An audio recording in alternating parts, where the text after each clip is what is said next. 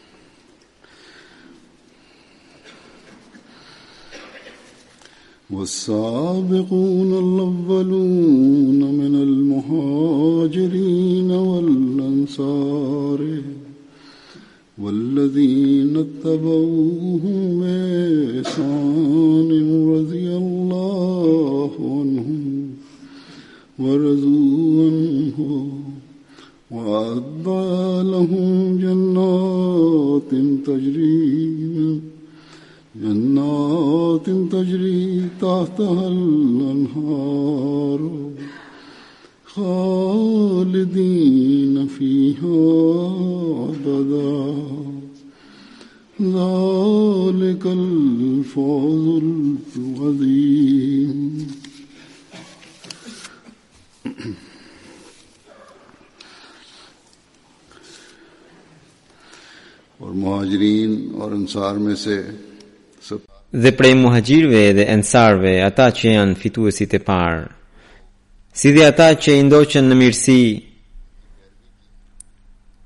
Allahu u kënaq prej tyre dhe ata u kënaqën prej tij, dhe ai u përgatiti kopshte nëpër të cilat rrjedhin lumenj, ata në to do të jetojnë përgjithmonë. Ky është suksesi madhështor.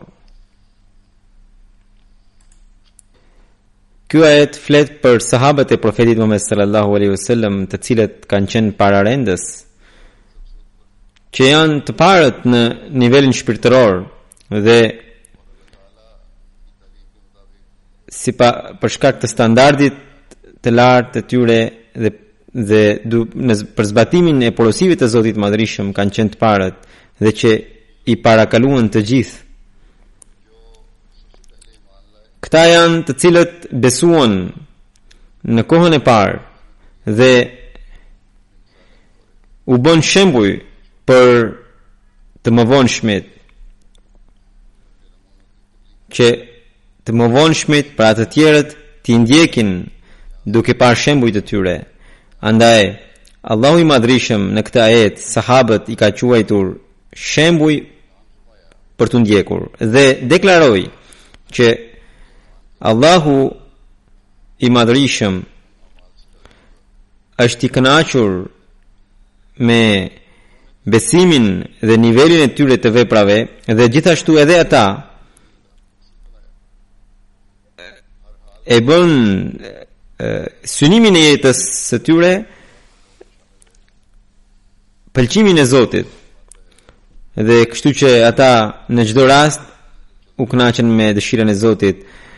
Dhe Allahu i Madhërishëm thotë se kushdo që do t'i ndjekë ata në mirësi, në besim, në besnikëri dhe do të bëjë vepra të mira, do të vijojë të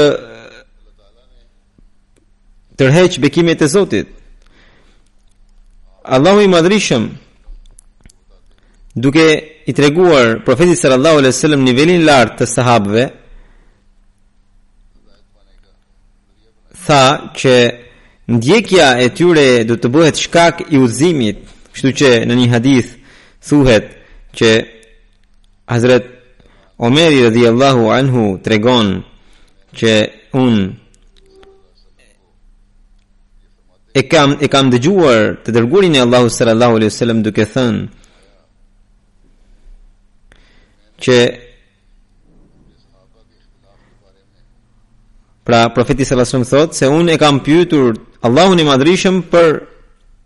kundërshtimet e sahabëve të mi dhe Allahu më tha o Muhammed sahabët e tu tek unë kanë një nivel kaq të lartë siç qielli ka yjet disa prej tyre janë më të ndritura se sa disa të tjerë por që të gjithë kanë dritën andaj kushdo që do të ndjekë njërin prej sahabëve të tu Për mua është i udhëzuar. Pra, pranë Zotit, ai është i udhëzuar. Hazret Omeri, radhiallahu anhu, gjithashtu tha që i dërguari i Allahut sallallahu alaihi wasallam tha që sahabët e mi janë si yjet. Cilindo ta ndiqni, do të udhëzoheni. Prandaj, Allahu i madhërishëm, këtë pozitë, ua ka dhënë sahabëve të profetit Muhammed sallallahu alaihi wasallam secili prej tyre për ne është fener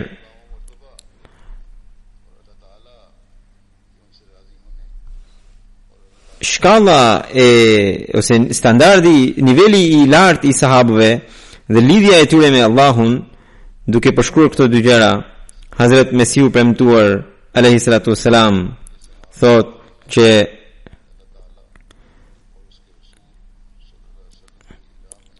Sahabët e profetit sallallahu alaihi wasallam në rrugën e Zotit dhe në rrugën e të dërguarit të tij kanë treguar atë besnikëri, saqë ata morën përgjigjen prej Zotit që Allahu është i kënaqur me ta dhe ata janë të kënaqur me Allahun. Kjo është një pozitë e lartë që u është dhënë sahabëve. Domethënë, Allahu u kënaq prej tyre dhe ata u kënaqën prej Allahut.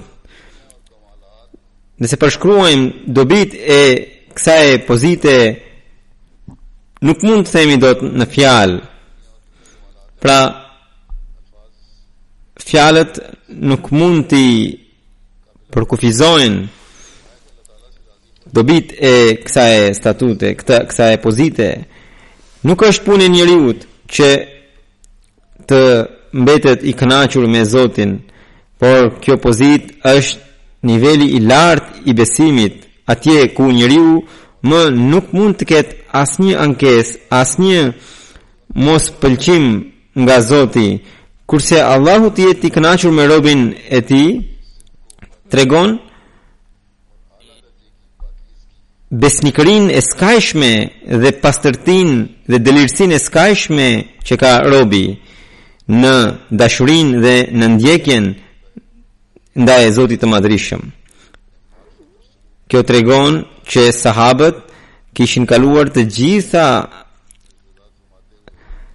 nivelet e spiritualitetit dhe pastaj thotë që ju pastrojni zemrën tuaj në mënyrë pra Mesihu i Premtuar duke udhëzuar ahmedianët thotë që pastrojni edhe ju zemrën tuaj në mënyrë që zoti miku juaj të kënaqet prej jush në atë mënyrë që ju të mos keni asnjë ankesë në zemrën tuaj me të. Pra ju ta përsosni besnikërin dhe delirësin tuaj deri në atë masë saqë dhe gjithashtu edhe bindjen nënshtrimin ndaj tij deri në atë masë saqë zoti të knaqet me ju sepse vetëm në këtë mënyrë ai do të kënaqet me ju. Dhe në atë kohë ai Do të lërë bekim në trupin tuaj në fjalët tuaja. Kur do ta gëzoni këtë pozitë, atëherë do të jeni të bekuar. Ndaj, sahabët janë shembuj për ne që ne të gëzojmë afrimin me Zotin. Nëse ne shikojmë edhe kundërshti mes tyre ndaj me njëri-tjetrin prapëseprapë, Allahu i madhrishëm ata i ka quajtur të vlefshëm për të ndjekur dhe si yje të ndritura.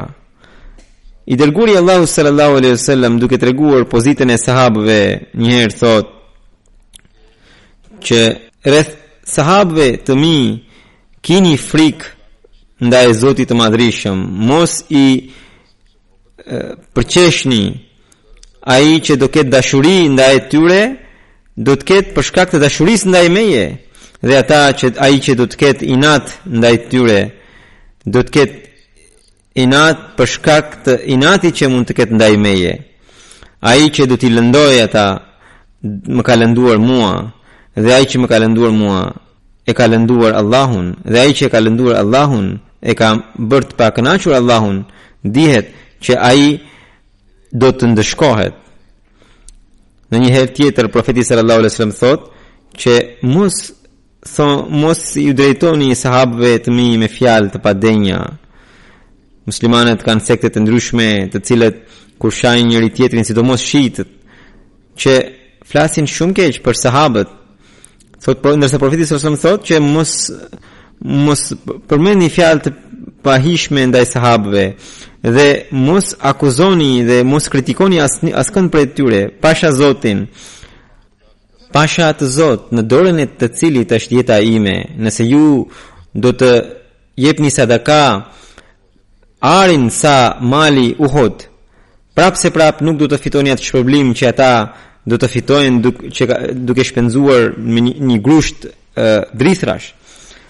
Pra, ky ky është statuti i sahabëve, edhe si të tillë ata janë shembuj për ne, Ne duhet t'i ndjekim nëse kërkojmë pëlqimin e Zotit të Madhërishëm dhe jo më të flasim kundër ndonjërit prej tyre ose edhe, si, edhe të mendojmë për këtë ne nuk duhet t'i vlerësojmë ata duke në, në bazë të kritereve të përcaktuara prej nesh Hazret Mesihu i Premtuar alejhi salatu wasallam na tregon sa nivelin e lartë të sahabëve, duke thënë që nëse do të analizojmë me drejtësi, kuptojmë që sahabët e profetit tonë sallallahu alaihi wasallam kanë bërë sakrifica të jashtëzakonshme. U dëbuan nga vatrat, u persekutuan, dhanë jetën. Dhe vijuan të hidhnin hapa në besnikëri cila cila është ajo që i bëri kaq vetflijues cila është ajo që i bëri që të jenë të ishin të dashuruar ndaj Zotit prandaj nëse do të krahasojmë sahabët me popullin e ndonjë profeti tjetër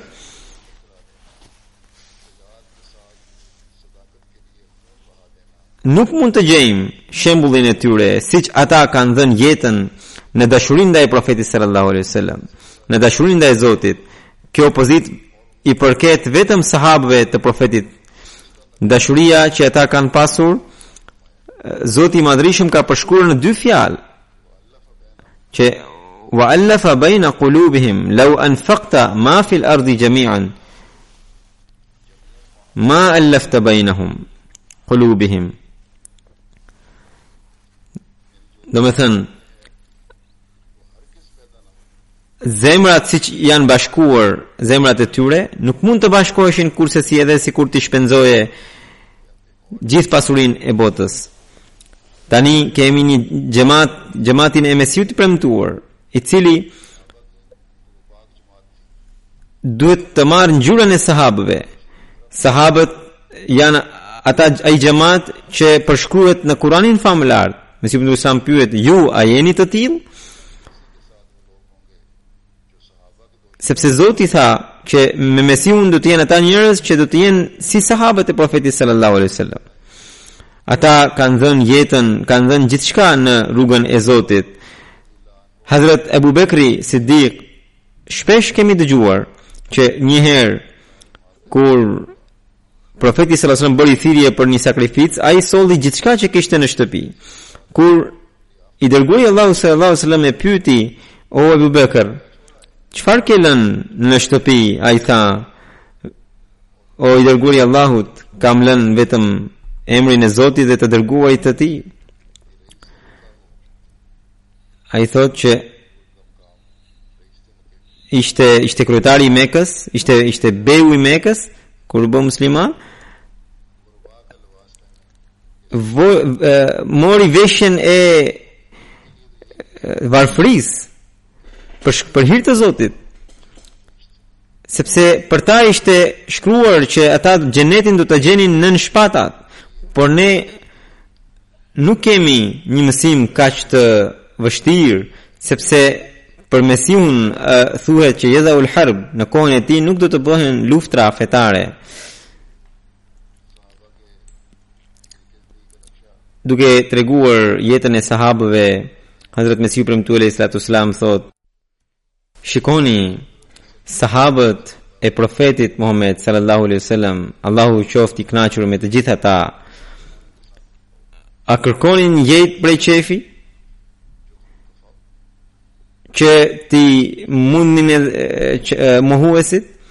A ishin, a dëshironin lehtësirat dhe rehatin? Jo, nuk ishte kjo gjë. Edhe në librat e mëparshëm është shkruar për ta, që ata do të ishin do të ngrenin natën, do të ngriheshin natën për të adhuruar Zotin, edhe gjatë ditës do t'i shërbenin Zot fesë së Allahut. Ajeti i Kuranit famëlartë tregon mënyrën e jetës së tyre, duke thënë që wa min ribatil khayli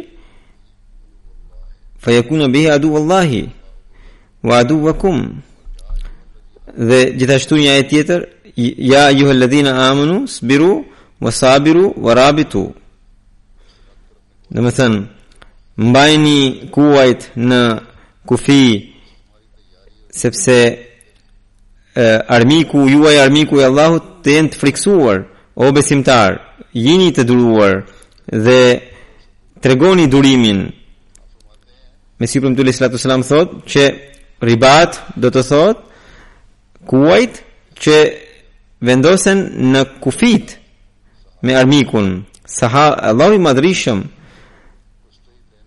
i porosit sahabët që të jenë gjithnjë në gatishmëri dhe kjo fjalë tregon gatishmërinë e tyre ata kishin dy përgjegjësi një të mbroheshin nga armiku ë i jashtëm një tjetër nga armiku shpirtëror i brendshëm sepse edhe për armikun e brendshëm ne duhet të kemi ribat duhet të kemi kal, duhet të jemi kalorës kufitarë.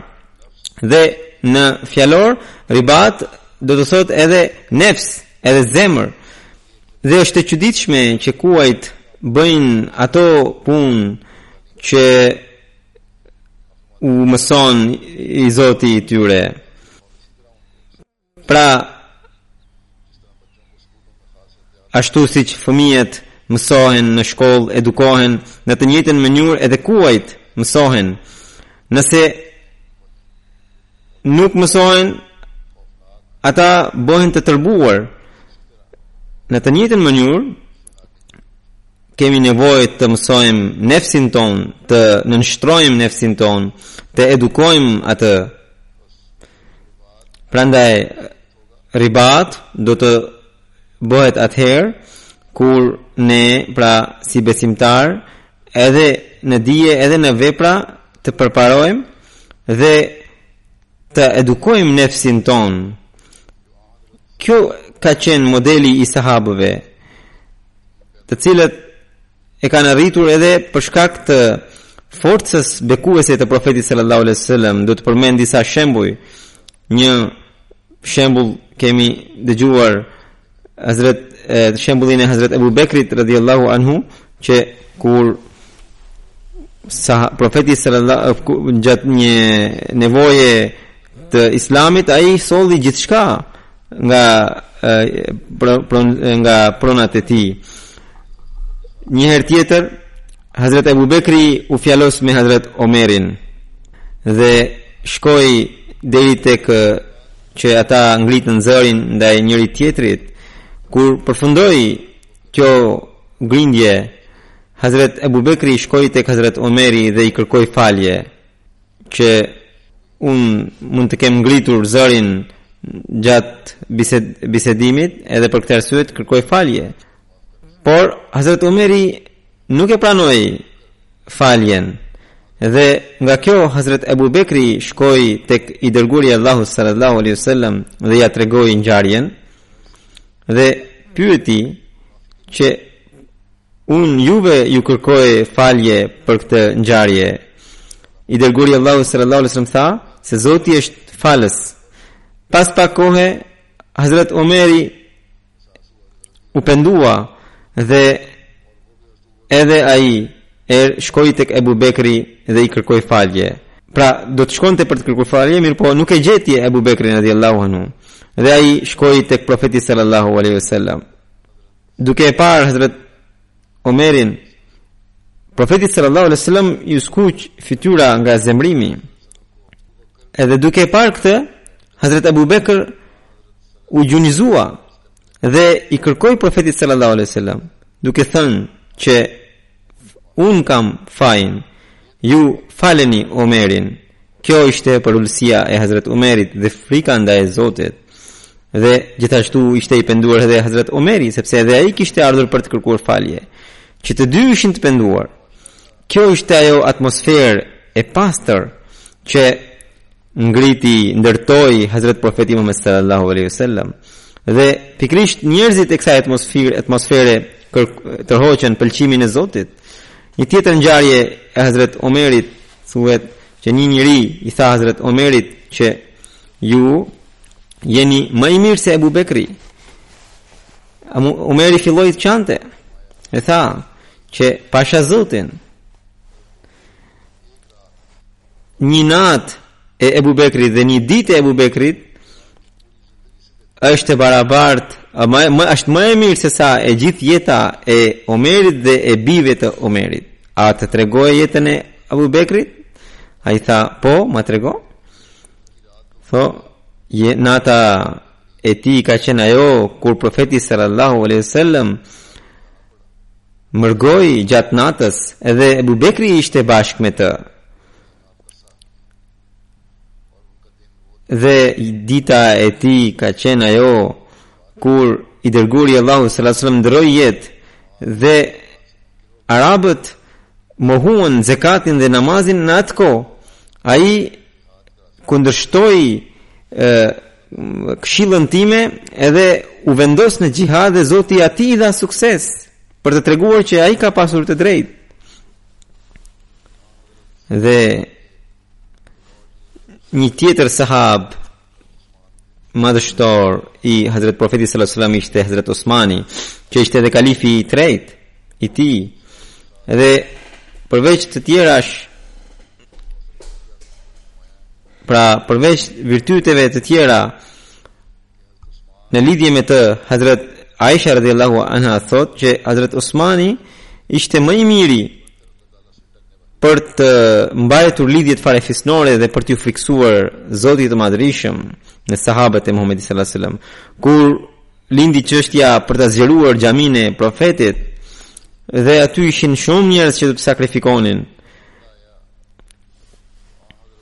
Atëherë i Dërguari i Allahut sallallahu alajhi wasallam tha që shtëpitë që janë përreth do t'i përfshijmë në xhami. Pra, dihet që shtëpi do të do të bliheshin, atëherë Hazrat Usmani doli përpara dhe paraqiti 15000 dirham edhe i bleu gjitha ato pronat. Muslimanët patën vështirësinë e ujit Sepse aty kishte një pus. Atëherë Hazrat Osmani radhiyallahu anhu e bleu atë pus me një çmim me një vlerë të madhe edhe ua dha muslimanëve. Pastaj Hazrat Aliu radhiyallahu anhu Amir Muavija i tha njërit për të përshkruar virtytet e Hazret Aliut.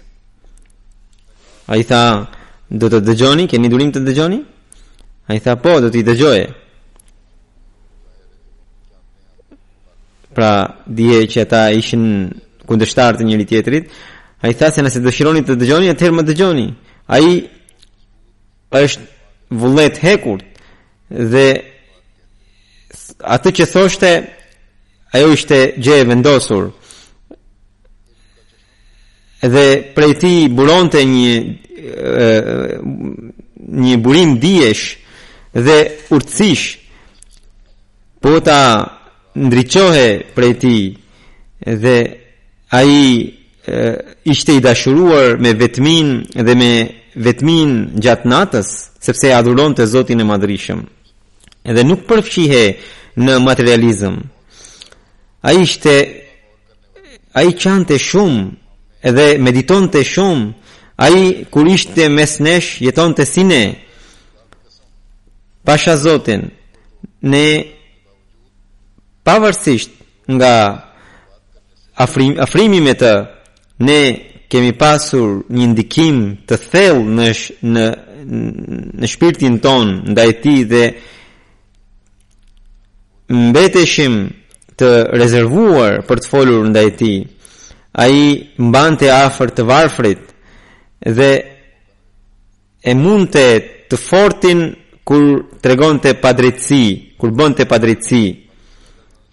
Dhe nuk i jepte të fortit të ë të përfitonte nga forca e tij. Këto ishin virtytet e Hazrat Aliut. Amir Muavija i dëgjoi dhe tha që ke thënë të drejtën dhe filloi të qante. Një sahab tjetër i profetit sallallahu alaihi wasallam ishte Hazrat Abdurrahman bin Auf. Ai ishte shumë i përparuar në sakrifica financiare, ishte edhe tregtar, kishte pasuri pa fund. Njëherë, një njeri duke bërë tavaf rreth Qabes, dëgjoi zërin e njërit i cili lutej o Allah më mbro nga kopracia e nefsit tim kur e pa se kush ishte ai gjeti që ai ishte Hazret Abdurrahman bin Aufi një herë atij erdhi një karvan tregtar në Medinë që kishte 700 Deve të ngarkuara me drithra gjithë Medina brohoriste nga kjo, nga një karvan kaq i madh. Hazrat Aisha radhiyallahu anha mori vesh për këtë karvan. Hazrat Aisha tha, "Unë e kam dëgjuar të dërguarin e Allahut sallallahu alaihi wasallam duke thënë që Abdurrahmani është banor i xhenetit kur Abdurrahmani e mori vesh ai erdhi tek Hazrat Aisha shkoi tek Hazrat Aisha dhe tha duke ju caktuar ju dëshmitare unë këtë karvan 700 deve prej drithrash po do ta jap në në rrugën e Zotit të Madhërishëm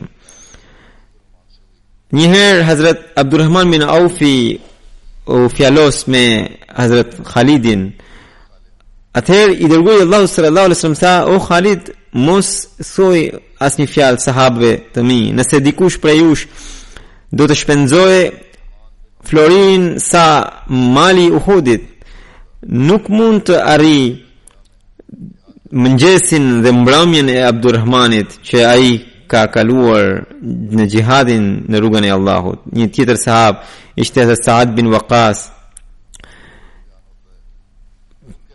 Ai vetë tregon një ngjarje të jetës së tij që kur e kam pranuar Islamin, nëna ime më tha që çfarë besimi ke pranuar ky besim i ri?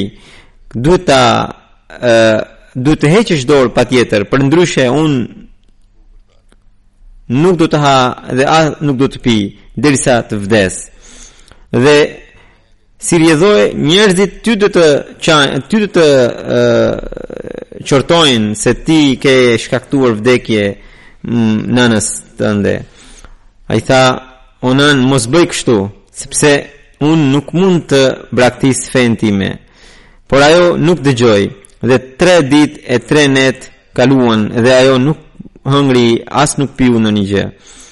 Në atë kohë i thashë shkova dhe i thashë nënës, pasha zotin, nëse ti do të kesh një mijë jetë edhe do të e, japësh një nga një të gjitha ato jetë, përsëri unë nuk mund ta braktis fenë time. Kur nëna e shikoi këtë palëkundshmëri tek ai, ajo hoqi dorë nga greva e saj. Pra, Allahu i Madhërishëm thotë që mm, binduni prindërve, mirëpo kur vjen fjala për nënshtrimin ndaj Zotit për të, për pranuar besimin, atëherë duhet ta zgjedhim anën e Zotit.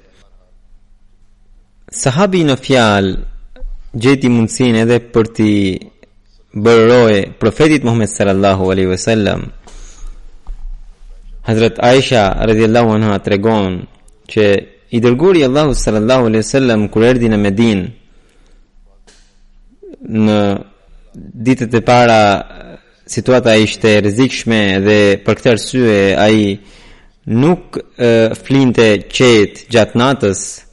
Shumë net kishte kaluar pagjumësi.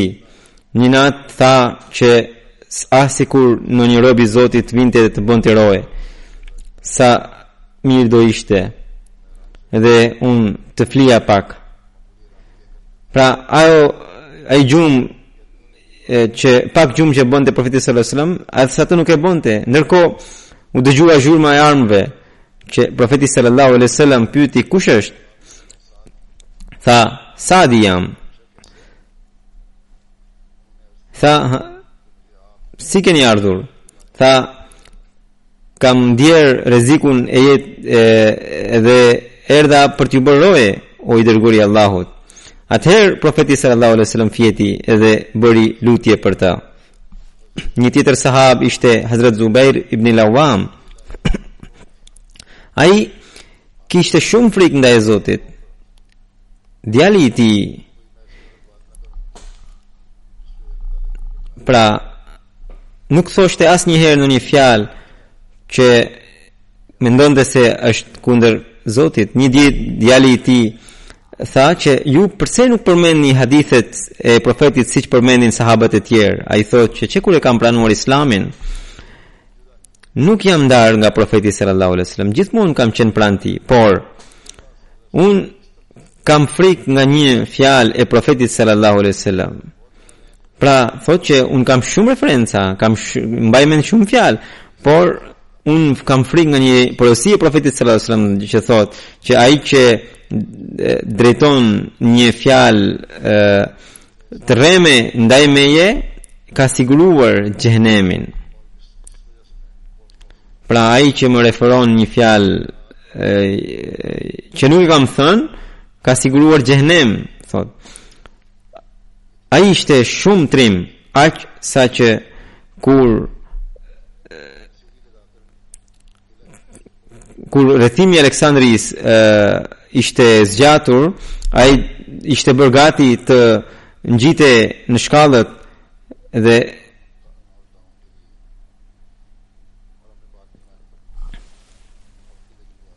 Disa thonë se është rrezikshme, mirëpo ai nuk dëgjoi dhe u ngjit. Çdo gjë që i vinte si përfitim atë e shpenzonte në rrugën e Zotit. Një sahabi tjetër i Profetit sallallahu alajhi wasallam është Talha bin Ubaidullah. Dhe ai ishte njeri i pasur dhe shpenzonte shumë në rrugën e Allahut. Njëherë një pjesë të pronës së tij ish e shiti Hazrat Usmanit në 700.000 dirham, edhe të gjitha këto parat i dha në rrugën e Allahut. Ai ishte edhe shumë mikpritës. Ai kur disa njerëz të përvuajtur nga një fis e pranuan Islamin, erdhën tek profeti sallallahu alaihi wasallam dhe sahabi e profeti i pyeti sahabët kush do t'i mirëpret këta, kush do të bëjmë pritje? Hazrat Talha i mori dhe i çoi në shtëpinë, i solli në shtëpinë e vet, derisa i bëri pjesëtarë të shtëpisë dhe vetëm vdekja e, i ka larguar pra kaq shumë i kishte afruar ai ishte shumë besnik në miqësi Hazret Kab bin Maliku mori një ndëshkim një qortim prej Zotit për shkak se nuk kishte marrë pjesë në betejën Tebuk dhe qortimi ishte i bojkotimit dhe pastaj kur erdhi edhe falja prej Zotit edhe profeti sallallahu alajhi wasallam e shpalli faljen atëherë Hazrat Talha pikrisht vrapoi edhe e pra e i dha dorën edhe e, i bëri mirëseardhje duke uruar Hazrat Ka'b bin Malik gjithmonë thoshte, nuk kam parë një njeri kaq mikpritës sa Talha. Një tjetër e, veti që ka të bëjë edhe me marrëdhëniet bashkëshortore shikojmë në jetën e Talhas. Bashkëshortja e tij thotë që Talha gjithnjë kur kthehej në shtëpi, kthehej i buzëqeshur. Pavarësisht se ishte i angazhuar, punonte, kur kthehej në shtëpi nuk vinte si i çoroditur apo me një fytyrë që njerëzit e shtëpisë të frikësoheshin. Edhe gjithashtu, kur dilte nga shtëpia, gjithmonë dilte i buzëqeshur. Në mënyrë që anëtarët e shtëpisë gjithnjë të rrinin të qetë. Pra, asnjëherë nuk ndodhte që në shtëpi të kishte një, një sjellje tjetër dhe jashtë një sjellje tjetër. Asnjëherë nuk refuzonte ndonjë gjë, nëse kishte dhe nëse dikush e, nuk pyste, ai nuk priste derisa ai tjetri të detyrohej të pyste, por vetë ia jepte. Pra shikonte nëse dikush ka nevojë dhe pa e pyetur përmbushte nevojën e secilit. Ai ai ka pasur katër gra, që të katërtat ishin shumë të kënaqura. Njëra thotë që nëse i bënim mirësi, ai falendronte shumë dhe kur bënim ndonjë gabim na falte. Këto janë parime që vendosin paqe në në në shtëpi, në familje dhe edhe ky është një shembull për ne. Shohim edhe një sahab tjetër që sa i nënshtruar ishte ndaj kalifatit që ishte Hazret Obedullah bin Masud. Atë Hazret Omeri e kishte caktuar si edukues për banorët e Kufës dhe atyre pra banorëve të Kufës u shkroi që ky është shumë i nevojshëm në Medinë, por ju unë vetëm për hir tuaj po e sakrifikoj edhe po e dërgoj këtë njeri tek ju. Pra, kjo ishte pozita e Hazret Abdullah bin Masudit, edhe Hazret Osmani e mbajti këtë pozitë të tij, madje caktoi edhe Amir, pra prijës të Kufës, dhe pastaj caktoi edhe Kadi. Dhe pastaj disa prej sherrxhinjve të Kufës bënë disa dredhi dhe u lindën disa probleme atëherë Hazrat Usmani radhiallahu anhu e shkarkoi nga pra e largoi nga e, emiri dhe e, tha që të kthehej në Medinë Banorët e Kufës thanë që juve nuk do të keni asnjë rrezik këtu, qëndroni me ne. Atëherë Hazrat Abdullah bin Masud tha që un jam i un jam i obliguar t'i bindem porosisë së kalifit të kohës dhe nuk mund të hap një shteg rreziku duke treguar mosbindje ndaj tij. Edhe këtë herë ai u kthye në Medinë. Një tjetër thotë që unë kam qëndruar pranë shumë sahabëve, por nuk kam parë si Abdullah bin Mas'ud për sa i përket ë shkëputjes nga bota materiale dhe dhe lidhjes me botën shpirtërore. Një tjetër ë që ishte shërbëtori i tij tha që ai vishej shumë bukur, gjithmonë vishte rroba të bardha edhe përdorte një parfum shumë të këndshëm një sahabët thoshin që kaq të parfum të mirë përdorte sa që edhe gjatë natës ne e ndjenim kur ai afrohej ne e kuptonim se po vjen Abdullah bin Masudi pra ai përdorte edhe gjërat e kësaj bote mirëpo ishte tër prapseprap i shkëputur nga gjërat materiale Dhe pastaj Hazrat Bilali radhiyallahu anhu, kaq i varfër, kaq i përvuajtur, por asnjëherë nuk lëshoi thirrjen e tekbirit, pra gjithnjë u tregua i palëkundur në besimin ndaj Zotit të vetëm. Nuk e lëshoi asnjëherë parullën la ilaha illallah muhammedur rasulullah. Saad bin Ansari ditën e betejës së Bedrit, duke përfaqësuar ansarët, ai iu drejtua profetit sallallahu alaihi wasallam kur profeti sallallahu alaihi wasallam priste ndonjë përgjigje prej ansarve ai tha që o i dërguari i Allahut ne ju kemi besuar dhe ju kemi pranuar si i dërguar kemi dëshmuar që mësimi që ju keni sjell është i vërtet edhe kemi zot, kemi bër beslidhje që ne do t'ju bindemi për çdo urdhër që jepni, andaj o i dërguari i Allahut, çfarëdo që dëshironi hidhni hapin, ne do të jemi bashkë me ju, nëse ju do të na thoni të t'i hedhim kuajt në det, do të hidhemi në det. Dhe askush prej nesh nuk do të mbetet mbrapa. Ne nuk frikësohemi nga armiku Ne dimë shumë mirë se si të luftojmë armikun, ne besojmë që Zoti i Madhrishëm do të tregojë prej nesh atë që ju do të do të jetë prehje e syve tuaj.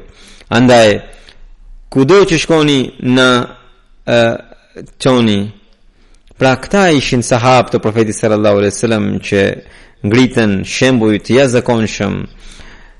Historia është e mbushur me shembuj të tyre Këtu kam sjell vetëm disa prej tyre.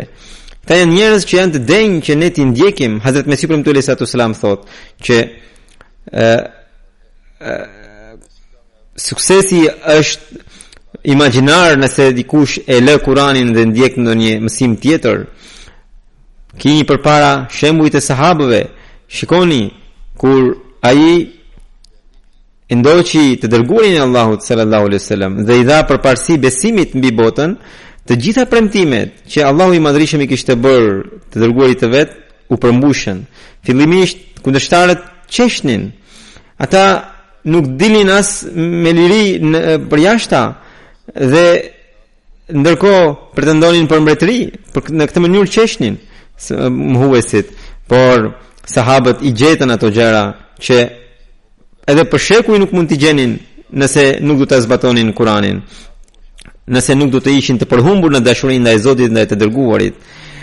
Ndjekja e tyre nuk u ndalua as nga traditat që ata ki, kishin pasur përpara Islamit ose që i zbatonin mohuesit përpara tyre. Pra, kur e pranuan Islamin, hoqën dorë nga çdo gjë që ishte nga tradita e kaluar. Derisa muslimanët qëndruan në këtë situatë palëkundshmërie, Islami vijoi të përparojë. Pra, derisa muslimanët ishin në këtë gjendje, muslimanët vijuan të përparonin.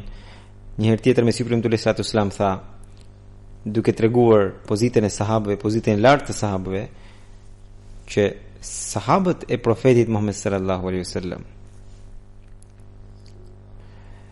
ishin kaq besnik ndaj profetit saqë shembullin e tyre nuk gjejmë dot tek ndjekësit e profetëve të tjerë dhe ishin kaq të vendosur në porositë e Zotit të Madhërishëm saqë Kurani është i mbushur me përshkrimin e tyre thuhet se kur erdhi porosia e ndalimit të alkoolit Gjithë alkooli që ishte në Medinë ishte derdhur, kaq shumë saqë rrugicat e Mekës derdhnin ë alkool.